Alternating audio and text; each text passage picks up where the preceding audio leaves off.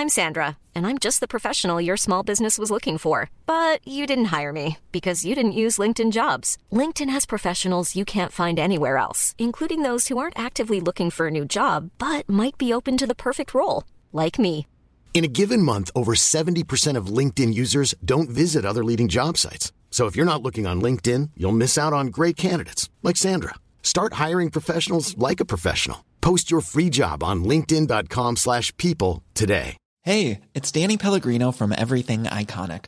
Ready to upgrade your style game without blowing your budget? Check out Quince. They've got all the good stuff, shirts and polos, activewear and fine leather goods, all at 50 to 80% less than other high-end brands. And the best part? They're all about safe, ethical and responsible manufacturing. Get that luxury vibe without the luxury price tag. Hit up quince.com slash upgrade for free shipping and 365 day returns on your next order. That's quince.com slash upgrade. Burrow's furniture is built for the way you live. From ensuring easy assembly and disassembly to honoring highly requested new colors for their award-winning seating, they always have their customers in mind. Their modular seating is made out of durable materials to last and grow with you. And with Burrow, you always get fast, free shipping. Get up to 60% off during Burrow's Memorial Day sale at burrow.com slash ACAST. That's burrow.com slash ACAST. burrow.com slash ACAST.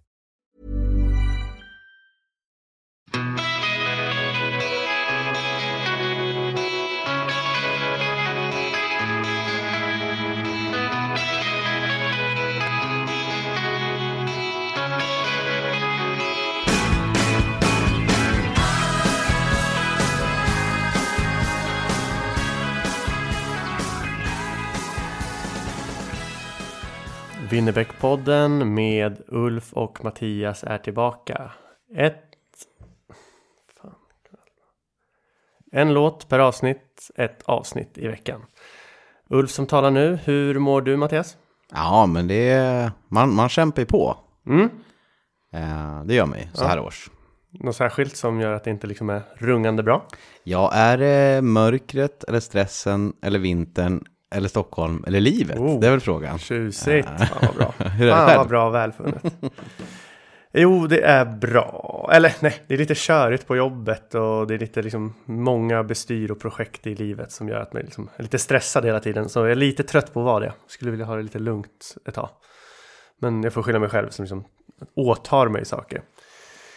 Eh, Men jag kan ju säga det, i, i, det här är ju måndag den 4 eh, december vi spelar in det här. Avsnittet ska ut imorgon så jag kommer behöva klippa ikväll. Eh, Men jag var ju på Lars Winnerbäck i Globen i helgen. Eh, Jag missade det tyvärr, Ja, men eh, väldigt avundsjuk. väldigt bra. Var där med Christian och Peter, våra gemensamma vänner. Kan vi bara säga att det var en suverän spelning. Och eh, Jocke Berg gästade och eh, sjöng en liten snutt av vår tid och sen ja, Kents egna låt Sverige då tillsammans med Lars Winnerbäck. Ja, ah, okej, häftigt. Väldigt, väldigt bra. Hur var ljudet? Globen är ju lite lurig på det här sättet. Eh, Det var lite för tyst. Ah, okej. Ja, Mm. jag tyckte att det var lite som att jag, man blev inte omslukad av ljudet som man kanske hade velat. Mm. Nej, men jag tycker det är ju svårt med Globen tydligen. Är det att det är sväriskt? Jag vet inte vad det är. Men, Kanske. Kanske. Men nej, nej, men det, ja, de har säkert försökt det bästa de kan. Jo, jo, bra var det ju, men Mm. det kunde, varit lite så här. Jag kunde vara mer dränkt i ljud Mm, kände jag. fattar. Eh, ja, men det var fint och det kändes som att man stod där också och Winnerbäck och Jocke var ganska politiskt eniga om att så här, det är bara några år kvar till nästa val, håll ut. Den känslan liksom verkligen. Okej. Eh, som genomsyrade saker. Väldigt fint, väldigt bra, väldigt bra spelning. Eh, Så kan man börja med lite så här, inte rättelser och fel, men bara kommentera lite för tidigare avsnitt. Ingen soldat. Där råkade jag dra hem en helt horribel version av Ingen soldat. Eller det är ju rätt version, men det var med dåligt ljud. Mm. Eh, lite ljudens Ford Ka, om du känner till den bilen. Ja, alltså den har man väl ändå. Alltså den har väl. Det är en liten ful bil. Det känns ju som eh, rikmansversionen av Suzuki Alto som jag själv har kört. Ja, kanske det. Eh, PMR om du minns det. RPM. RPM, sorry. det. Mm, mm, RPM. Ja, nej, det är, en, det är en liten skitbil, det får man ju säga. Men alltså den är väl inte så dålig. Ja, Ja, nej men okej. Okej, det är visst. inte en Rolls Royce, det var liksom den analogin jag försökte Nu har jag inte hört anspela versionen i och för sig, så det kanske var exakt som du säger, en Ford Ka-version av den Mm. låten. Mm. Jag skulle säga att det var ganska Ford Ka-igt. Så sorry för det, men hoppas ni gillar avsnittet ändå. Sen eh, hade vi ju, ja, vi pratade om Ingen Soldat förra veckan och där var jag och Mattias lite oense. Jag slackade relationskontext och Mattias pratade lite mer om liksom, samhällskontexten i stort. Eh, och vi enades väl någonstans om att det kan Troligtvis är ju Lars Winnerbäck ganska generellt inte stå i ett ledperson så att den går nog att applicera lite bredare så. Men så dissade vi lite det här med eh, krig och fred-kontexten. Att vi kanske inte tänker att han menar soldat i den meningen. Men så fick vi en, en lyssnare som heter Erik Törner på, som var kommunikatör på biståndsorganisationen IM.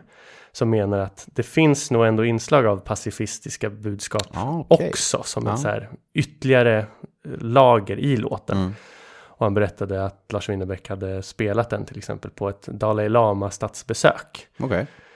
Alltså kanske inte nödvändigtvis för att han appellerar till just ingen soldat så, men att det finns någon form av pacifism i det också. Så det vill jag ändå tacka Erik Törner för att han ändå kom in med det budskapet eller den vinkeln på det också. Ja, men det är jättebra. Det är ju, som sagt, det är långt ifrån alltid att vi, vi har tänkt på, på ett sätt som alla gör. Utan alla har ju sina tolkningar. Och, och det där, ja, nej, han har säkert en, eller han har en jättebra poäng där också. Ja, och vi uppskattar ju den typen av feedback, så det gör ingenting om ni hör av er och klagar och sådär. Så det får jag nästan tacka för Erik. Ja, nej, men absolut tacka för. Och det är ju, man vill ju uppmuntra till diskussion kring Lars låtar. Det är ju en av de stora behållningarna tycker jag med den här podden. Mm.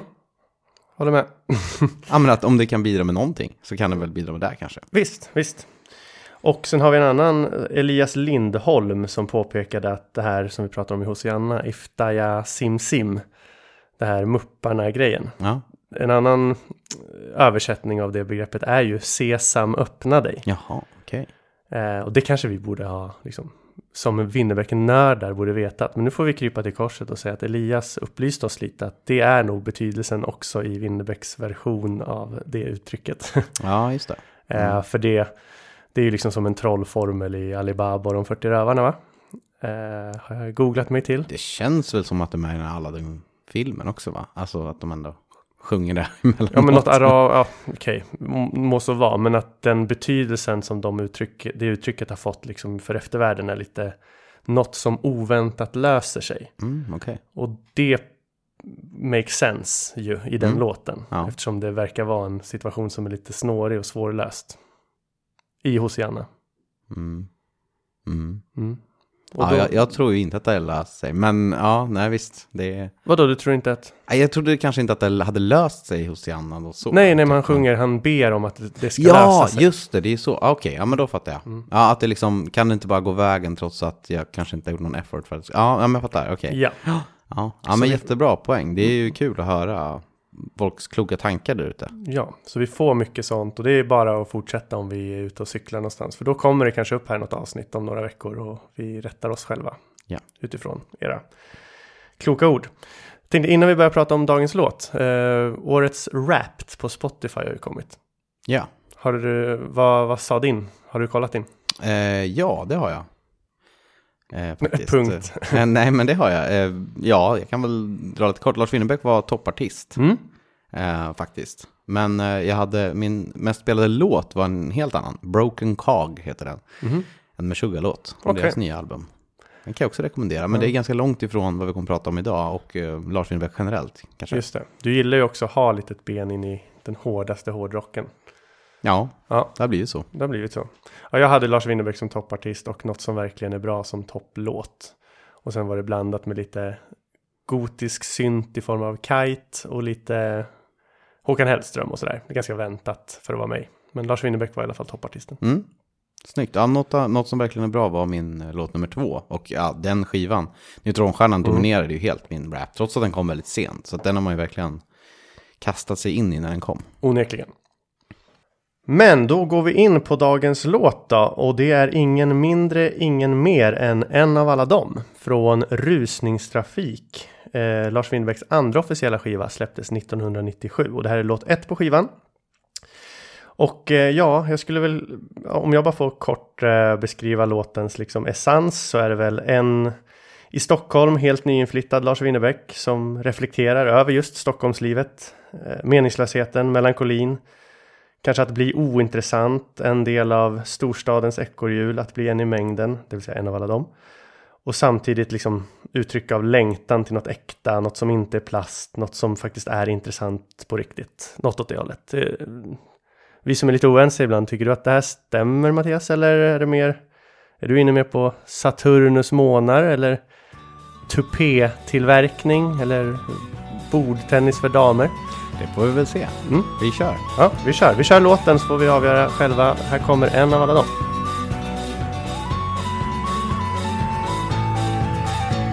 Jag är en av alla dem som flyttat hit till stora stan för karriären. Jag är en av alla dem som håller käft och går förbi i mataffären. Om jag kan. Och jag är en av alla dem som har ett liv utan nätter, utan dagar. Och jag är en av alla dem som kan gå vilse när som helst om jag behagar. Se tiden an.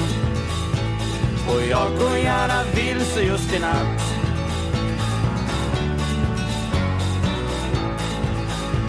Jag är en av alla dem som skriver låtar, läser dikt och sjunger sånger.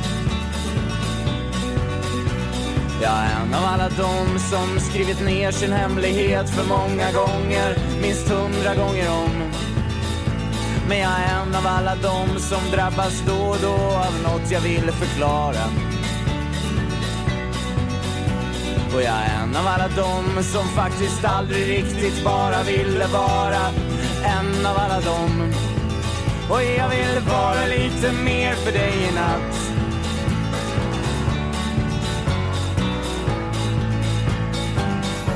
Men ibland så är jag fast. Kan du känna likadant Att allt man gör är bara plast och faktiskt föga intressant? Och ibland är allting kaos. Jag blir mörkrädd mitt på dagen. Ibland behöver jag en paus. Så är du hyfsat likadan Kan vi gå vilse genom stan?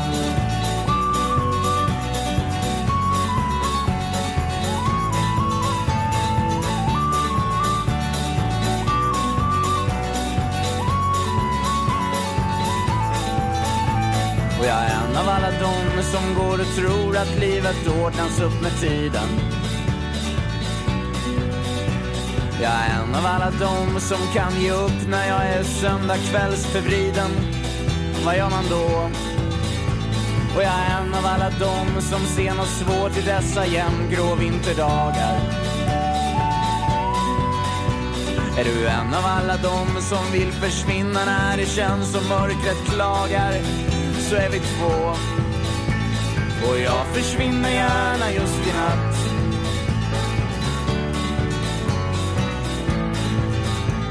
Är det mörkret eller stressen eller vintern eller Stockholm eller livet? Jag är en av alla dem som tagit lycka i sinom tid för givet sen jag var barn. Och jag är en av alla dem som varit barn men sen glömt bort den färdigheten. Jag är en av alla dem som skyller sina sorger på den här planeten och den här stan. Och jag vill vara lite mer för dig i natt.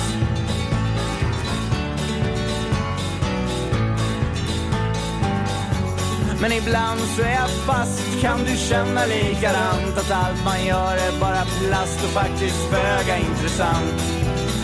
Och är jag ensam på en söndag blir jag dum och mörkret mitt på dagen och måste bort från sista rum. Och är hyfsat likadan kan vi gå vilse genom stan.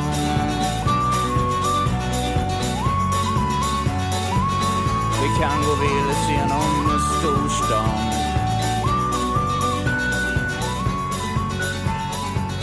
Vi kan gå vilse genom stan. Ja, här hör vi alltså en Lars Winnerbäck, 22 år gammal, eh, som har kommit hit till stora stan för karriären. Han går förbi och håller käft i mataffären. Han har varit barn men glömt bort den färdigheten och han skyller sina sorger på den här planeten.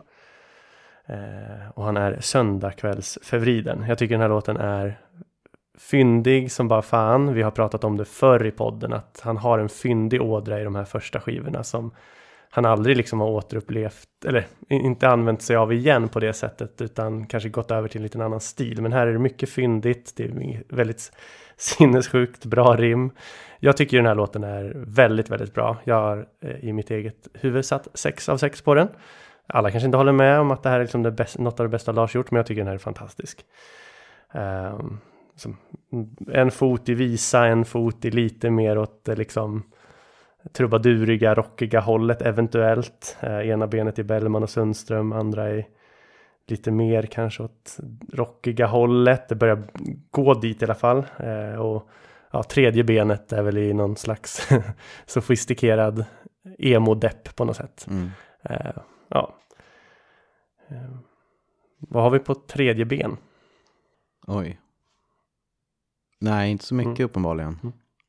Jag var mest bara besviken att du inte ens sa något åt att jag nämnde ett tredje ben. Nej, men också, det kanske det är, är det, du men, det du menar med, men han har ändå någonting av den här väldigt tidiga Lars, alltså det som inte ens är hans första skiva, det här liksom finurliga, eh, flöjtiga, mm. tidiga liksom eh, Dionysos-taken eh, och de ja. här väldigt lite konstiga första låten han har är ju också med i den här, liksom sprinklat över på Just ett det. snyggt sätt. Mm.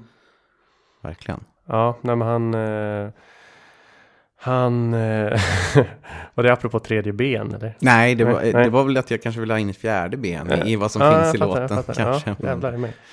Ja, nej men som sagt, jag, tyck, jag tycker den här är suverän och, och man ska komma ihåg det här är liksom 90-talet. Det är ju det är de ironiska tidernas tidevarv och Killinggänget liksom sätter agendan för vad som är coolt på något sätt. Och det är liksom Expressen Fredags rockrecensenter som har åsikterna som spelar roll.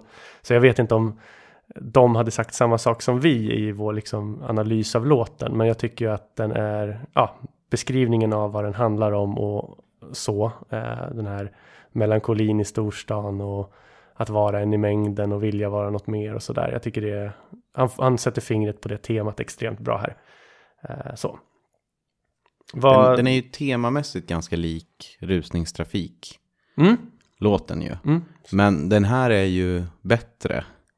Tycker jag i alla fall. Um, Snäppet, jag tycker ju om rusningstrafik jättemycket. Ja, absolut. Och den är, den är också väldigt bra, det, verkligen. Men ja, det är någonting med den här som, som, som gör att den sticker ut lite mer. Och det är väl Ja, men jag vet inte, att det ändå det är på något sätt, på lite konstigt sätt, liksom en ganska glad ton. Mm. Fast det är ganska deppigt allting. Ja.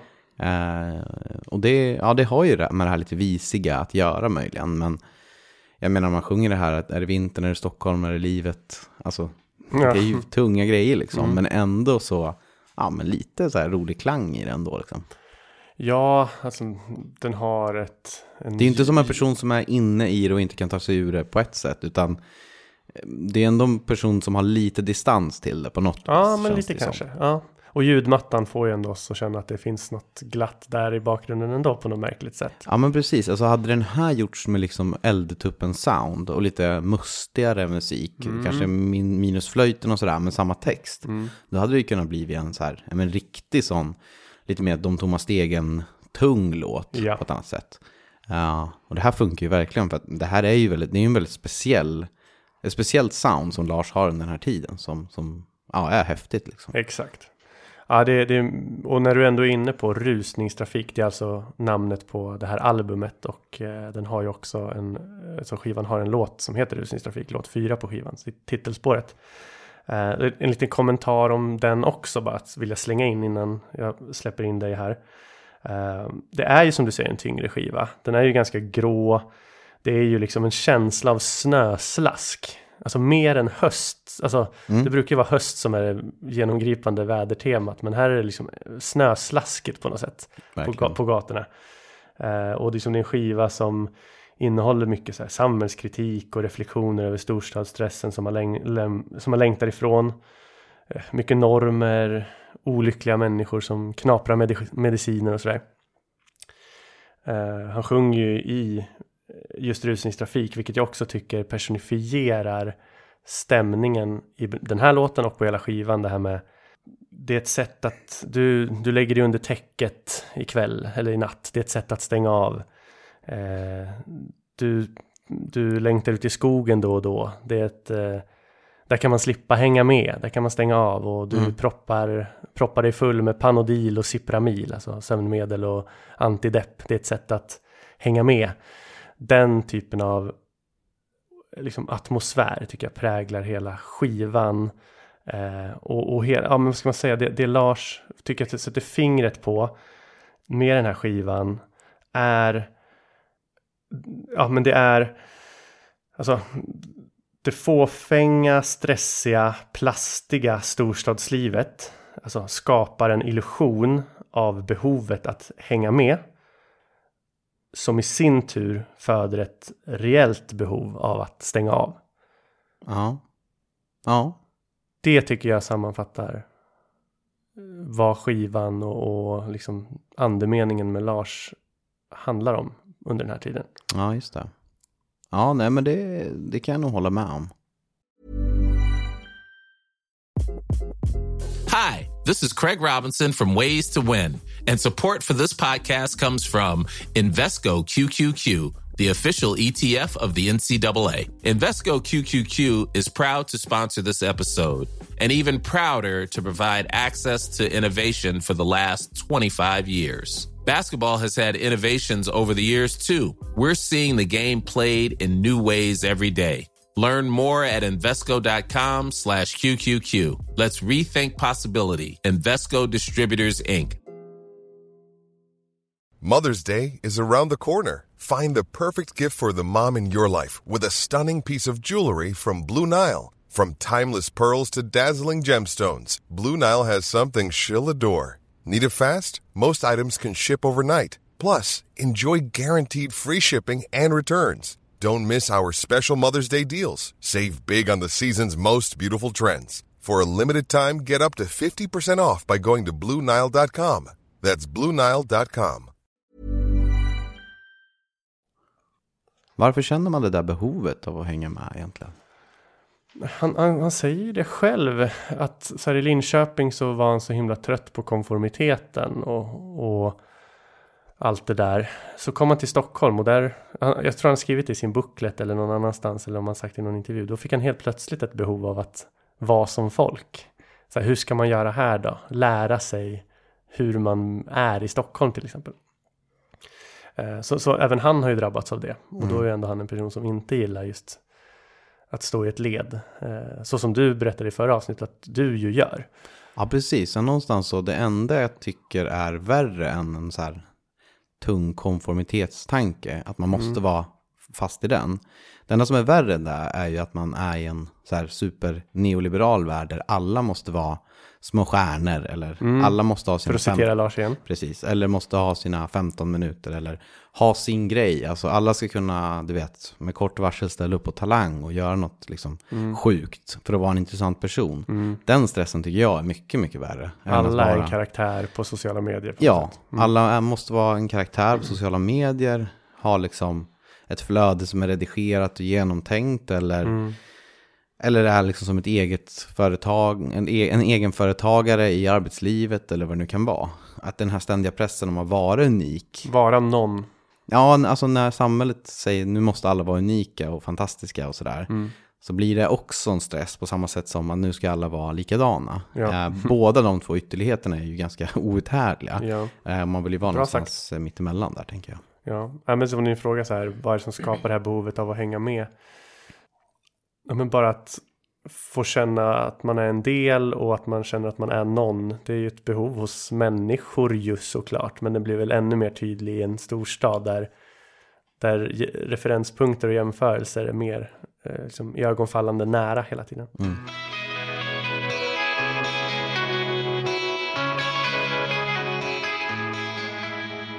Du eh, hade något på flöjten. Ja men det känns ju som kanske inte världens mest aktuella ehm, instrument. Nej, den, det är snyggt att slänga in den i den här låten. Ja, det är det ju. Den sticker ju ut lite grann. Men just den här, det här tillfället i eh, tiden så känns ju flöjt eh, ganska intressant. Av en, en anledning som är lite random kanske.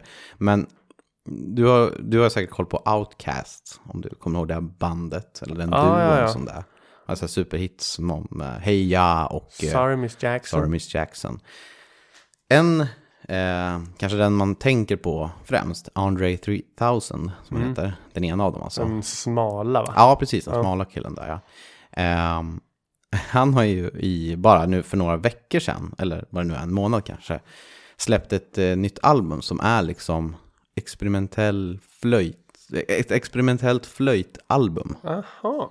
Där liksom, så, och det känns bara så otroligt udda liksom. Eh, och han har haft lite roliga kommentarer kring varför han har det. Liksom. Att, ja, det är svårt att rappa när man ja, är i den här åldern, han är väl runt 50 eller någonting. Liksom. Att han har inte riktigt samma problem och så här, vad, vad ska jag rappa om liksom? Typ att jag ska, ja, du vet, ska gå på en hälsocheck. Eller, alltså du vet, han, är, han lever ett tråkigt eh, dad life, antar jag. Jag vet inte om han har barn och sådär, men ja. Det, det Precis lite- på samma sätt som Per Gessle borde förstått för 20 år sedan att det, han inte ska sjunga om tuggummi och vet inte. tjejer när han är typ 67. Jag vet inte vad som är mest deprimerande av de två sakerna. Men det är lite kul i alla fall att i, på hans det här albumet då så heter den första låten så här.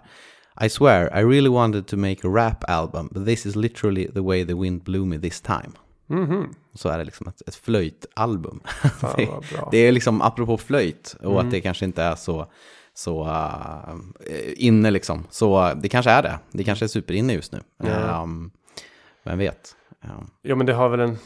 Allt går ju i cykler och snarare det som kanske är lite töntigt har ju en tendens att få någon så här revival om någon cool person börjar syssla med det.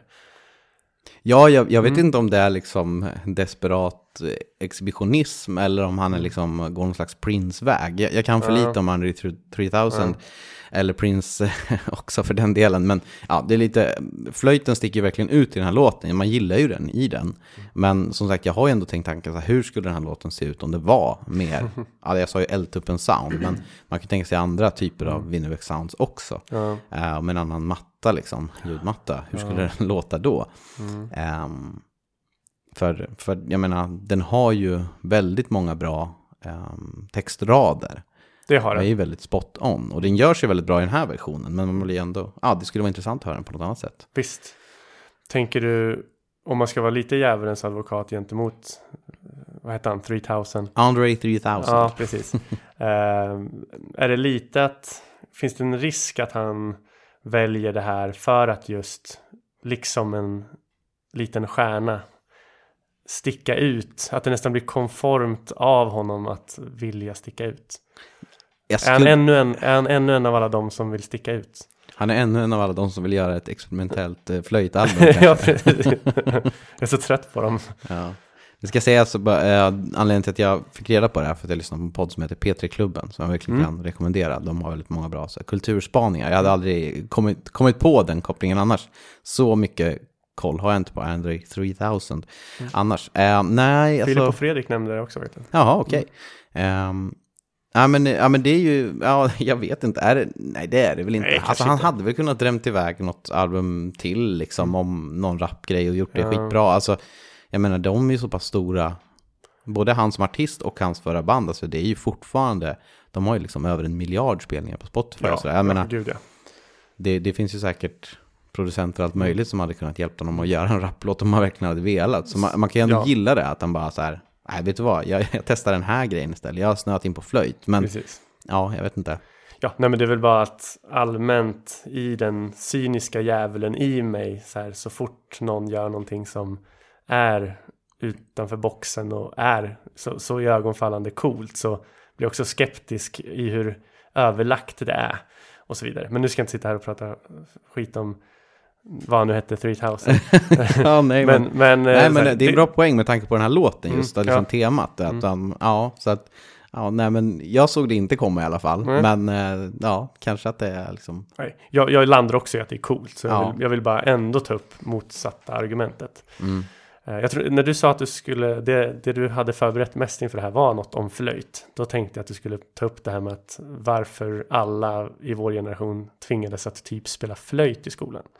Ja, jag tänkte det ett tag, Mm. men så tänkte jag att det kanske är en ganska gammal spaning. Men Jo. det är ju intressant, alltså. Mm. Märkligt. Jag, jag fick aldrig fason på det där. Jag är ju väldigt omusikalisk som Ja. person. Liksom. Och här sitter du och har en musikpodd. Ja, är det det? Men eh, ja, nej, jag vet inte. Nej, det, är, det, är, det är väl lite kul. Det känns ju någonting som, som skulle kunna dyka upp i en Lars-låt. Alltså vem vet? Alltså Ja. som, som en tidsmarkör och Ja, som, liksom, som ett tecken på någonting. Jag vet inte. Alltså så här, man hade ju kunnat tänka sig att man Ja, fick, fick som- välja typ. Alltså det mellan- hade lika gärna kunnat vara och, alltså blockflöjtar, blockflöjter istället för nyponbuskar, nyponbuskar för att typ sätta en rekvisita till vår barndom. Alltså den hade stämt lika mycket. Ja, precis. Ja, jo, jo men alltså, Mm. Alltså precis. det ha- blockflöjtar skulle kunna nämnts i Söndermarken typ. Ja men exakt, och, och, och liksom eh, för tidsmarkören idag, då ska väl alla barn liksom eh, spela något ashäftigt, eller Mm. du vet, rappa med hostmedicin i, i, i käften eller någonting. Alltså att eh, idag måste alla sticka ut på något helt annat sätt. Det är inte så att alla bara får samma instrument, Nej. föreställer jag mig. Nu har jag inga barn i den åldern liksom som går i, i lågstadiet, men jag, men jag antar att, eh, eller när man nu gjorde det här, Mm. men eh, det känns ju som att det inte är den lösningen längre, Nej. som Nyköpings kommun hade då liksom. Kanske inte. Nej, det måste väl varit någon, något flöjttillverkare som var någon upphandling och så liksom. Så, ja men det är ändå ett billigt instrument överlag. Bi- Billigare än att köpa in typ 30 gitarrer. Så ja, det kanske var något sånt. Jag vet inte. Ljudet hade ju varit mer uthärdligt om det hade varit 30 gitarrer, känner man ju spontant. Om man har varit på de där liksom. Ja. Jag kan fortfarande spela Spanien på blockflöjt. Mm, ja. Och apropå det där med flöjten så har jag tänkt på att så här, man, man, man har ju sina låtar man, när man tänker att man ska spela upp någon ny låt. Eller när man ska spela upp en låt för en ny person som är oinvigd i Lars Winnerbäck. Så här, vilken ska jag ta för att få personen på fall och så. Då har jag aldrig tänkt den här. Nej, För den låter, den är inte så här ögonfallande. Alltså det är inte så, man gillar den inte så snabbt. Det tar några lyssningar och den låter lite lustig och flöjten är ju lite rolig mer än så här något annat. I alla fall första gången man hör den. Så det är bara en reflektion att det här är ju inte en bra första låt.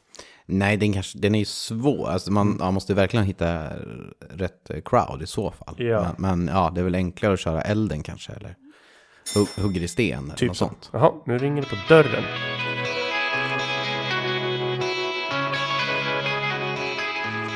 Ett starkt minne jag har av den här låten för egen del är att eh, jag läste retorik på gymnasiet i trean och så här, eh, vad hette det, individuellt val va? In, inte elevens val. Ja, okej. Ja, alltså man fick ju välja en, man fick ju välja kurser i någon mån eh, i tvåan och trean typ på gymnasiet. Och då valde jag retorik och då skulle vi läsa upp någon favoritdikt man hade. Mm. Eh, eller låt och då valde jag den här. Och ehm, minns att jag la väldigt stor tonvikt vid just raden Jag är en av alla dem som faktiskt aldrig riktigt bara ville vara en av alla dem.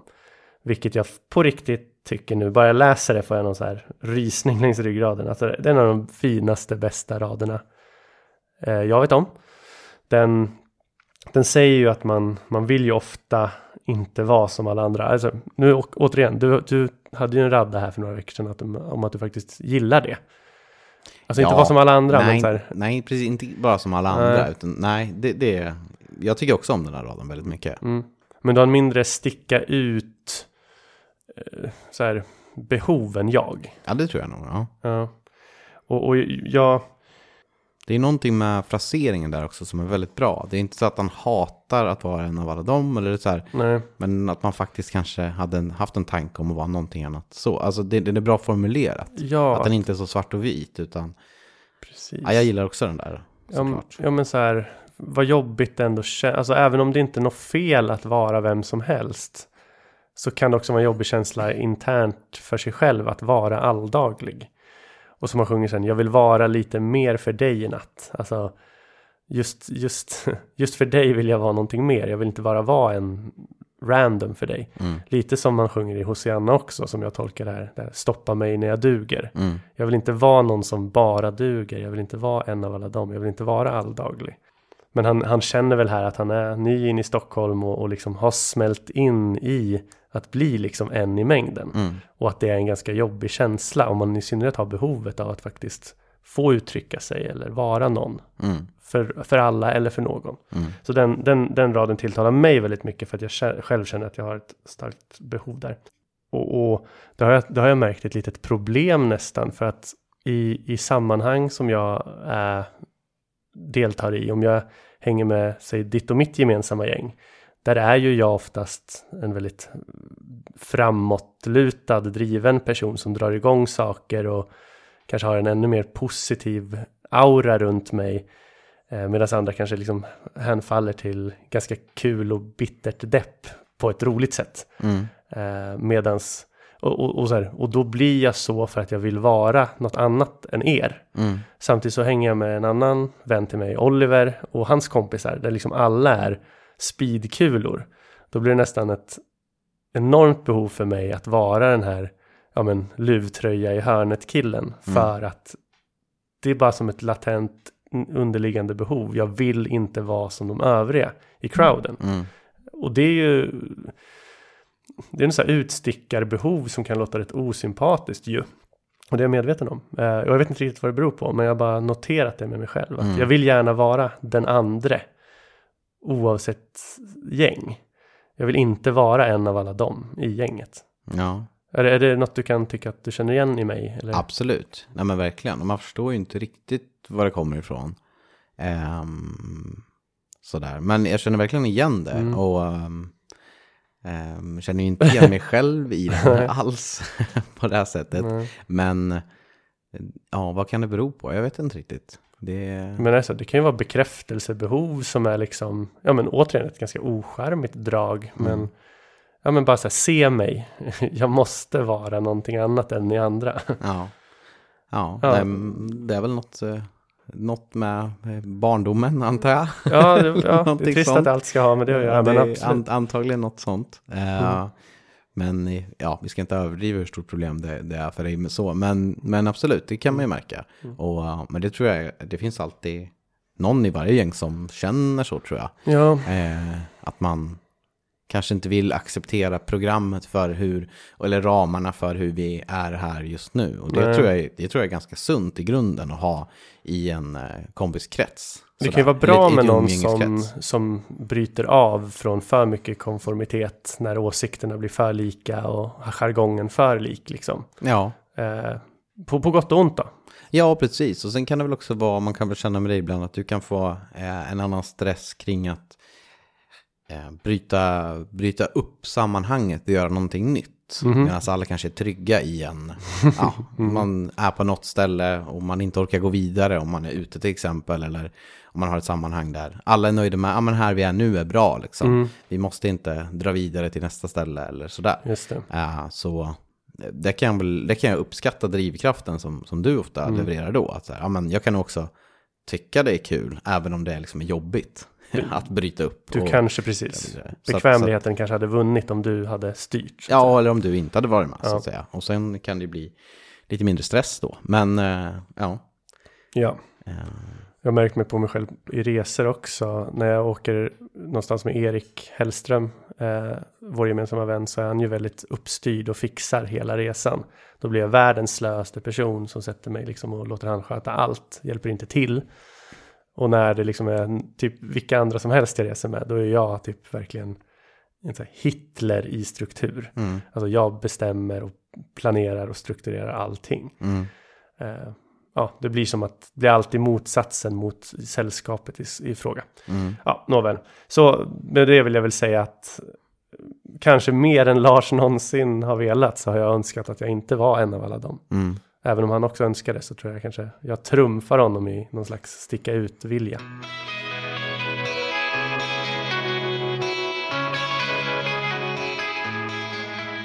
Eh, Ja, men jag har funderat på en, en eh, textrad i den här som gör mig lite konfunderad om man tänker på vad, eh, vad Lars ofta har formulerat tidigare och kanske framförallt ja, men i hans film och bucklet och sådär med Intressant. att han var ganska vemodig redan som barn. Då, sådär. Eh, och alltid har varit det. Och i den här sjunger han att eh, han har tagit lycka i sinom tid för given sen han var barn. Mm. Det är ett av de citaten jag ville prata om. Så Ja. kul att du kommer in på Ja, men och jag tycker bara att det sticker liksom lite ut. Att han, menar han där att han har varit eh, lycklig. Alltså det känns inte som att det är en person som har varit lycklig, liksom en glad gamäng oavsett Nej. vilket hela tiden. Och att han har tagit det för givet och har det. Eller, eller tolkar jag den fel? Tänk, eller är det det hans, alltså, han säger kanske, han kanske, det kanske ligger i linje med det han har sagt tidigare också, att han kanske är vemodig. Men här tolkar jag nästan som att, att han är lycklig i grunden, men han har tagit det för givet och nu är han inte där längre. Jag tolkar det som att han oavsett hur grått och mörkt och trist det är så kommer det ordna sig. Att han typ har vuxit upp eller uppfostrats med det eller att föräldrarna har ryckt in eller vad det må vara. Så här, till slut kommer det lösa sig. Jag kom, det, lyckan kommer. Ja, okej. Det tolkar jag det som. Och, den, och det var därför jag hade lagt in det citatet som ett favoritcitat också. För jag känner igen mig mycket i det. Att så här, jag tänker ändå alltid att det vänder. Det finns något optimistiskt i grunden. I mig i alla fall. Och uppenbarligen kanske i Lars då, om, det, om vi tolkar citatet rätt. Att så här, till slut kommer det lösa sig. Hur mörkt det än är. Lite som Simon, vår gemensamma vän, när han tar första klunken öl. Så säger ju han typ för sig själv. Ja, det ordnar sig. Ja, Alltså så här, det är, alltså, det är en kanske en du- dum relation till alkohol eventuellt, men att så här, känslan av att dricka den där ölen är, okej, det är inte så farligt, alla bekymmer försvinner ändå lite grann, det ordnar sig. Eh, och lyckan kommer, alltså man tar det för givet ändå. Mm. Ja, precis. Men det, det är ju rimligare i linje med annat han har skrivit och, och tänkt. Mm. Snarare än att han var lycklig och sen glömde bort det någonstans på vägen. För där kändes det att den ingången känns lite främmande. Men det är nog snarare som, som, vi, ja, som du kommer fram till här nu. Att det är att, att man har tagit det här för givet att det kommer lösa sig. Mm. Därför behöver man inte arbeta så mycket för det. Vilket gör att eh, i vissa tider så, så kanske man inte jobbar tillräckligt mycket för att det ska vara bra. Kanske så, Och ja. då blir det inte bra heller. Ja. Mm. Men precis, man, man, man väntar på att det ska ske ändå av sig själv. Mm. Och det kan ju vara liksom, ja, som du sa. Då kanske man inte, det kanske, då kanske man stannar av i strävan och, och, och liksom kämpandet också. Mm. Och, och mitt eh, sista citat här, förut, alltså det, det citatet jag framförallt älskar är ju att jag inte vill vara en av alla dem som inte vill vara en av alla dem. Men det tredje då som vi tar upp här som jag verkligen vill lyfta fram det är ju den här Är jag ensam på en söndag blir jag dum. ja, nu, nu kan ju det betyda olika för olika människor. Men för min del är det också så här att så här, ensamma söndagar när liksom det roliga är över och, och veckan börjar imorgon. Det är liksom den dagen jag känner mest behov av att liksom få något gjort eller där jag är mest eh, alltså needy som det heter. mm. Alltså är det någon dag jag har hört av mig till en tjej jag råkat tycka är söt men som jag liksom kanske har ett ganska bra game på och sen råkar skriva hej kan inte du bara komma hit och mysa alltså det är ju en söndag jag, jag blir oftast jag tar dumma beslut på söndagar i den typen av eh, hage Ja, och även, även så här, dra igång projekt. Att typ den här podden var troligtvis en söndag. Eh, så här, att ja, men nu ska vi starta en podd. Alltså så här, det, det finns ett behov av att vara någon, att få någon bekräftelse typ på söndagar. Mm. För att det är en dag där jag har det jobbiga framför mig och det roliga är över. Och det skapar oftast en, ett beteende där jag beter mig dumt. Ja, ja men, men det känns ju som att det kan vara åt det hållet han menar här. Ja, också. ja. ja men det är som sagt allt ifrån liksom att dra igång konstiga projekt. Nu är den här podden ganska lyckad i och för sig då, men så här, det finns dumheter som har startats på söndagar och det finns broar som har bränts på söndagar. Mm. Där man har hört av sig till någon och liksom, ja Man nej. släpper, garden lite grann. Man Ja. inte, har inte det här kontrollen över flödet på samma sätt då. Utan Precis. man kanske, du kanske egentligen är lite mer dig själv eh, då. Alltså lite mindre filtrerad. Ja, precis. Och det gillar ju kanske inte folk på samma sätt. Nej, man, man, precis. Det finns väl en poäng med att man ibland hejdar sig. Men på en söndag är det svårare att hejda sig. Mm. Och därför har jag varit dum många söndagar. Mm. Ja, det, det var en liten spaning bara. Jag gillar det citatet för det trycker hårt på Ja, men det tror min jag, bröstkorg. Det tror jag många kan känna igen sig i. eh, Just det där. Mm. Personligen är jag ju inte riktigt där just nu då. Men jag kan verkligen förstå vad du menar. Och har väl typ känt lite så tidigare i livet. Mm. Även om inte i samma utsträckning som jag tror du har det kanske. Nej, nej, kanske inte. Nej, vi, vi var inne på det, bekräftelsebehovet och, och den där ådran kanske har varit större hos mig och det kanske gör att man blir ännu dummare på söndagar just. När man är som, som mest svag. Mm. Jaha, eh, en av alla dem börjar gå mot sitt slut. Vad, har vi något coolt att avsluta med? Jag tror inte det. Det, det är ju en bra låt. Mm. Verkligen. Alltså den sticker ut. Eh, den är häftig. Den har liksom ett Lars-tema. Mm. Men den är lite annorlunda liksom. Eh, och det, ja, men man gillar ju den här låten. Verkligen. Det gör man. Så eh, vi lyssnar väl en liten trudelutt på den här i slutet igen och så eh, ses vi igen om en vecka. Ja. Ja, ha det bra. Hej. Hej hej. De som skrivit ner sin hemlighet för många gånger, minst hundra gånger om. Men jag är en av alla de som drabbas då och då av något jag ville förklara. Och jag är en av alla de som faktiskt aldrig riktigt bara ville vara en av alla dem. Och jag vill vara lite mer för dig i natt. Det fåfänga, stressiga, plastiga storstadslivet alltså skapar en illusion av behovet att hänga med som i sin tur föder ett reellt behov av att stänga av. Hi, this is Craig Robinson from Ways to Win, and support for this podcast comes from Invesco QQQ, the official ETF of the NCAA. Invesco QQQ is proud to sponsor this episode and even prouder to provide access to innovation for the last 25 years. Basketball has had innovations over the years too. We're seeing the game played in new ways every day. Learn more at Invesco.com slash QQQ. Let's rethink possibility. Investco Distributors, Inc. Imagine the softest sheets you've ever felt. Now imagine them getting even softer over time. That's what you'll feel with Bowl and Branch's organic cotton sheets. In a recent customer survey, 96% replied that Bowl and Branch sheets get softer with every wash. Start getting your best night's sleep in these sheets that get softer and softer for years to come. Try their sheets with a 30-night guarantee. Plus, get 15% off your first order at bowlandbranch.com. Code BUTTERY. Exclusions apply. See site for details. Planning for your next trip? Elevate your travel style with Quince. Quince has all the jet setting essentials you'll want for your next getaway, like European linen, premium luggage options, buttery soft Italian leather bags, and so much more. And is all priced at 50 to 80% less than similar brands. Plus, Quince only works with factories that use safe and ethical manufacturing practices. Pack your bags with high-quality essentials you'll be wearing for vacations to come with Quince. Go to quince.com slash pack for free shipping and 365-day returns.